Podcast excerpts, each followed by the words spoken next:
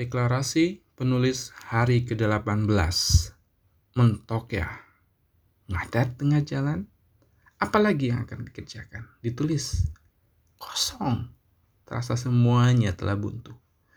Stop, oke stop dulu. Rehat dulu kawan.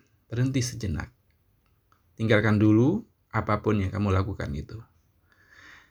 Kasih hak tubuhmu untuk tidur, untuk istirahat yang cukup, dan piknik Ajak orang-orang yang kamu cintai, lihatlah dunia. Begitu luasnya, begitu indahnya, begitu mempesonanya.